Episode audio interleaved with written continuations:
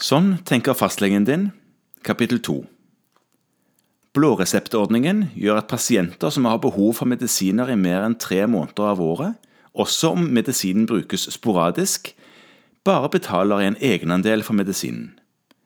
Dette gjelder typisk medisiner som brukes i behandling av kroniske sykdommer som hjertesykdom, lungesykdom, revmatisk sykdom og diabetes, men også andre sykdommer som krever langvarig behandling. Guri er en treningsglad mosjonist som av og til er plaget med pusten. Hun var hos meg for en stund siden og fortalte at hun hoster, og at hun innimellom er tungpustet. Riktignok driver hun mest med jogging, men det er ikke under trening hun er mest plaget. Som barn har hun hatt litt eksem og allergiplager, men nå er hun i slutten av 40-årene og har ikke merket noe til det i sitt voksne liv. Dette hadde jeg i bakhodet da hun kom til forrige konsultasjon hos meg. En atopiker har høyere risiko for både eksem og allergi. I tillegg kan atopikeren være plaget med astma, så jeg tar med Guri til laboratoriet for en spirometritest. Spirometri er en test av lungefunksjonen hvor du puster inn i et rør, mens apparatet registrerer hvor fort og hvor lenge du puster. Samme test utføres to ganger, en gang før og en gang etter at du tar astmamedisin, som spiler ut luftveiene og gjør det lettere å puste for en som har trange luftveier. En med astma er plaget med slik tranghet, mens en frisk person ikke er det. Derfor vil astmatikeren ofte puste bedre etter å ha fått medisinen, mens for en frisk person vil det ikke være forskjell på testen før og etter. Medisinen vil ikke utvide luftveiene mer enn normalt hos en som er frisk. I denne forrige konsultasjonen presterte Guri helt normalt på spirometrien, så det er i alle fall ikke snakk om en klassisk astma. Formen på spirometrikurven vil i enkelte tilfeller hinte om hva som er problemet. En del astmatikere blir først plaget når de trener, men Guri er ikke plaget med pusten under trening. For å teste ut en hypotese fikk hun syrehemmende medisiner som hun skal ta i perioder hvor hun føler at pusten plager henne. Denne typen medisin virker mot halsbrann og sure oppstøt, en sykdom som ofte kalles refluks. Medisinen gjør magenholdet litt mindre surt, uten at det ødelegger for fordøyelsen. Denne mandagen kommer hun for å fortelle om hvordan det har gått siden sist. Jeg ser med en gang at Guri kommer med gode nyheter. Hun forteller at hun har hatt én pille daglig i tre til fire dager i strekk de tre periodene hun hadde plager. Det har hatt god effekt, og pusten har normalisert seg. Hypotesen er altså mest sannsynlig riktig. Noen pasienter med astmalignende plager har egentlig små, sure oppstøt som de ikke legger merke til, og hvis jeg spør om de har halsbrann, så svarer de nei. Det eneste de kan legge merke til, er irritasjonen syren gir når litt av den kommer opp i pusterøret. For pasienter med en slik plage vil syrehemmende medisiner ofte ha effekt. Guri er fornøyd med å ha fått en løsning på problemet.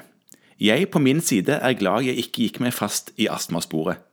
I tillegg til at Guri har hatt astma og allergi tidligere i livet, har barna til Guri også astma, noe jeg vet fordi jeg er fastlegen deres også. Det er gull verdt å kjenne til disse mer eller mindre viktige detaljene, fordi det kan hjelpe meg med å komme fram til riktig diagnose.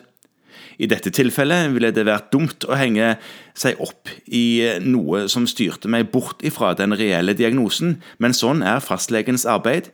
Jeg jobber med sannsynligheter, ønsker å utelukke det farligste og pløyer meg møysommelig fram til riktig diagnose. Det er målet, i alle fall. Og i den sammenhengen er det viktig å sitte på så mye informasjon som mulig uten at det framstår forvirrende. Jeg tenker på det som et puslespill. Jo flere brikker jeg har, dess lettere er det å se bildet. Selv om symptomene til Guri ikke er de mest typiske for reflukssykdom, er det det hun har. Denne sykdommen gir rett på medisiner på blå resept, og Guri, som trenger sporadisk bruk noen dager annenhver uke kan få sin medisin utskrevet på blå resept. Reglene kan være litt forvirrende fordi de oppdateres av og til, noen ganger for ett legemiddel og så for et annet. Vi fastleger prøver å holde oss oppdatert på dette og på alle andre områder av det vi driver med.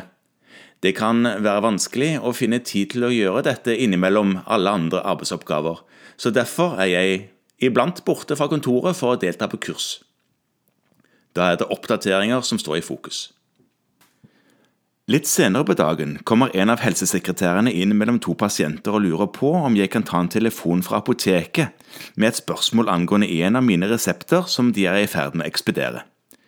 Det passer selvfølgelig ikke så godt, men erfaring viser at det er best å ta det unna med det samme, for å hindre at spørsmålet havner i innboksen min senere.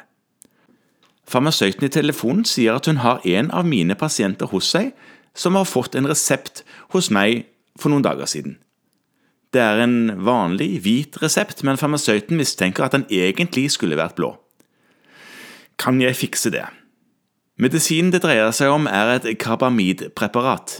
Pasienten heter Kjell og er rørlegger. Noen ganger må han krype rundt under benker og vasker hele arbeidsdagen. Da hender det at han blir litt rød og irritert på knærne. I slike perioder lindrer det å bruke karbamidkremen.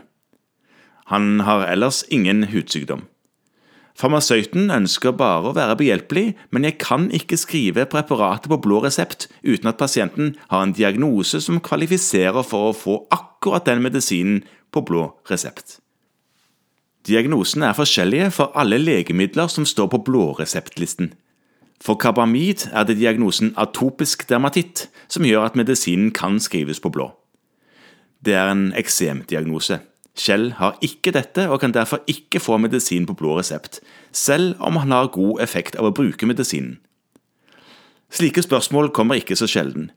Noen ganger har jeg selvfølgelig gjort en feil, eller glemt å sette riktig paragraf som gjør at resepten blir blå, men oftest er det en grunn til at resepten er skrevet som den er. Jeg prøver å huske å informere om dette når jeg skriver ut nye resepter.